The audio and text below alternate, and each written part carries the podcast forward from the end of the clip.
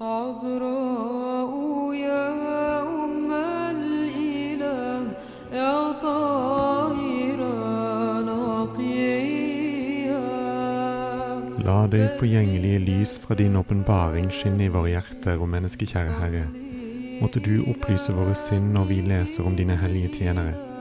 Lær oss ved deres eksempel å leve i lyset, slik at også vi kan leve for deg, vår Herre og velgjøre, for du er god og elsker menneskene. Den 15. september minnes vi hellige Simeon, som var erkebiskop i Tessaloniki. Vår hellige fader Simeon var født i Konstantinopel i året 1380.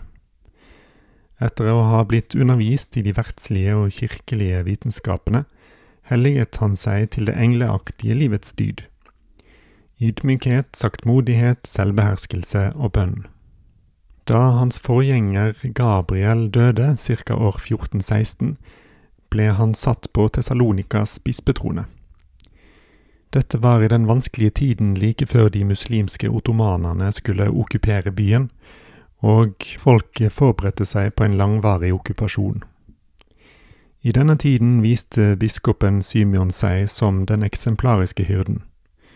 På tross av kroppslig svakhet og mange sykdommer ga han stadig flokken sin nytt mot ved hjelp av sine ord.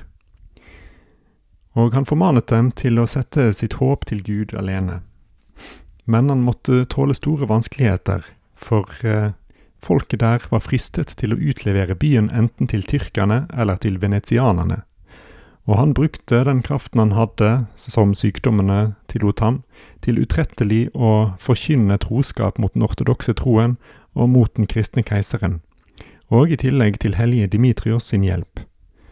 Under det venetianske herredømmet som varte fra 1423 til 1430, oppfordret han folket til å underkaste seg, uten å gjøre noen innrømmelse i trosspørsmål, men for så mye som han kunne å utsette den tyrkiske erobringen. Seks måneder før byen til slutt ble okkupert under Morad den andre, som skjedde den 29. mars 1430, så Symeon i drømme at han befant seg i et praktfullt hus, og da hørte han en stemme si at han ikke skulle beundre dets skjønnhet, men i all hast gå ut, for det holdt på å styrte sammen. På den måten hensovnet han i fred uten å måtte utholde det smertelige synet av sin kjære bys erobring. Alle Tessalonikas innbyggere, om de så var ortodokse, romersk-katolske, jøder, begråt tapet av deres felles far og den gode hyrden, som uten hvile hadde gitt sitt liv for sine får. Simeon var også en av de fremste kjennerne av teologen Gregor Palamas, som vi feirer den 14. november.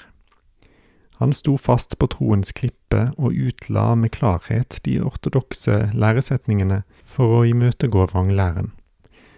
Men han er særlig berømt for sitt liturgiske virke.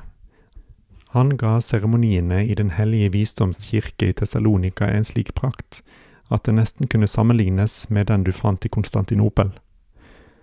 Han skrev tallrike hymner og bønner og utarbeidet en stor åndelig fortolkning av alt det kirkelige materialet som du finner i symbolene og ritene.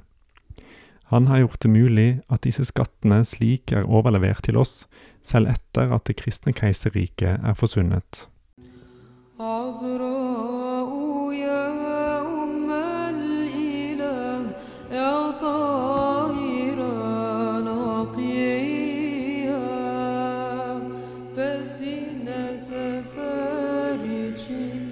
صلي إلى الإله عليه